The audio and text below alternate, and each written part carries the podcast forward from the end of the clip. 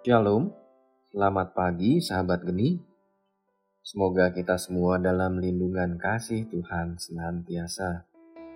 Hari ini, Rabu 19 Agustus, bersama saya Ferdinand dari komunitas Gracia. Kita akan merenungkan Injil Matius bab 20 ayat 1 sampai dengan 16a. Di awal perikop dikisahkan perumpamaan hal kerajaan sorga seperti seorang tuan rumah yang sedang mencari pekerja untuk kebun anggurnya. Ia pun menjanjikan dan menyepakati upah sebesar satu dinar bagi setiap orang yang ditemuinya yang sedang menganggur untuk boleh bekerja di kebun anggurnya. Dan bukan hanya sekali, Beberapa kali sang tuan rumah kerap keluar mencari para pekerja sedari pagi hingga sore harinya. Ketika tiba di saat berakhirnya jam bekerja, sang tuan rumah pun hendak membayar upah yang telah disepakati, yakni sebesar satu dinar. Dengan diawali dari pekerja yang terakhir bergabung hingga ke pekerja-pekerja yang telah bekerja sejak awal pagi-pagi benar. Namun, dikala pekerja yang memulai pekerjaannya sejak pagi tadi hendak beroleh upahnya, mereka pun mulai bersungut-sungut dan mempertanyakan, mengapa mereka yang baru saja bergabung, bahkan hanya bekerja satu jam saja, beroleh bayaran yang sama. Lantas di akhir-akhir perikop, sang tuan rumah pun menjawab, Tidakkah aku bebas mempergunakan milikku menurut kehendak hatiku? Atau iri hatikah engkau karena aku murah hati? Sahabat-sahabat yang terkasih, sebenarnya perasaan yang dialami pekerja yang sejak pagi hari telah bekerja dalam perikop ini adalah sesuatu yang lumrah juga bisa terjadi pada kita maupun orang lain di sekeliling kita. Karena kita manusia tidak hidup sendiri di dunia ini, maka sebagai makhluk sosial, manusia akan hidup berdampingan dan selalu membutuhkan orang lain dalam menjalani hidupnya. Yang terkadang tanpa disadari, sebagai manusia, bisa saja membandingkan hidup kita dengan orang lain. Tuan rumah dalam bacaan hari ini adalah Tuhan sendiri yang mengundang kita, yakni para pekerja, untuk bekerja di kebun anggurnya. Seperti dalam bacaan pertama di ayat terakhirnya, Tuhan menegaskan bahwa Ia sendiri yang akan bertindak sebagai gembala akan memperhatikan dan mencari setiap domba-dombanya tanpa terkecuali.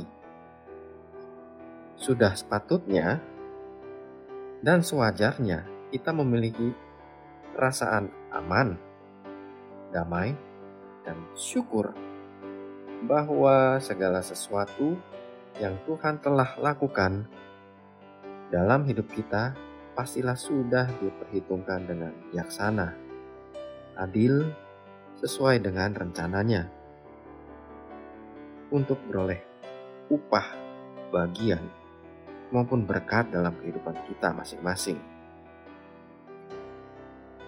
Satu hal yang patut kita waspadai dan kita sadari adalah perasaan yang timbul jika kita tidak senang akan kelebihan orang lain, dan itu dapat didefinisikan adalah iri hati.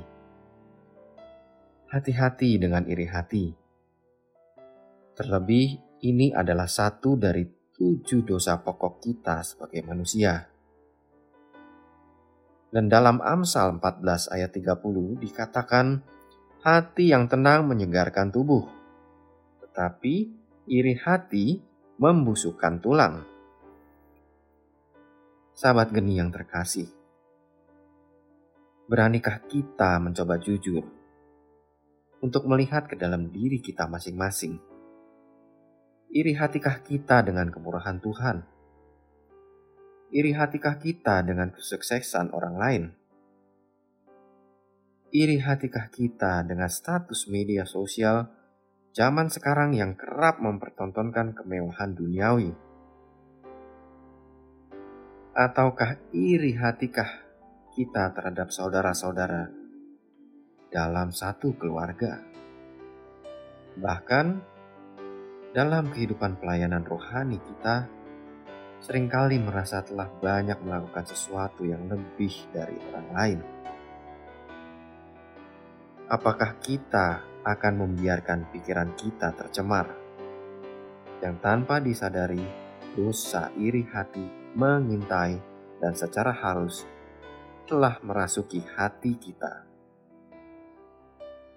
Marilah kita semua tetap menjaga kesadaran kita dengan mampu bersyukur dan tahu berterima kasih akan kebaikan Tuhan serta senantiasa mengarahkan pikiran kita terfokus kepada firman Tuhan.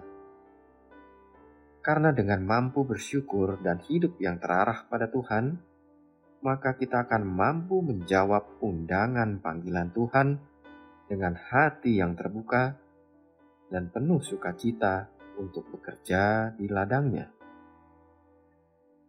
Terlebih lagi, mintalah pengampunan akan segala keirihatian yang mungkin masih tersimpan dalam diri kita.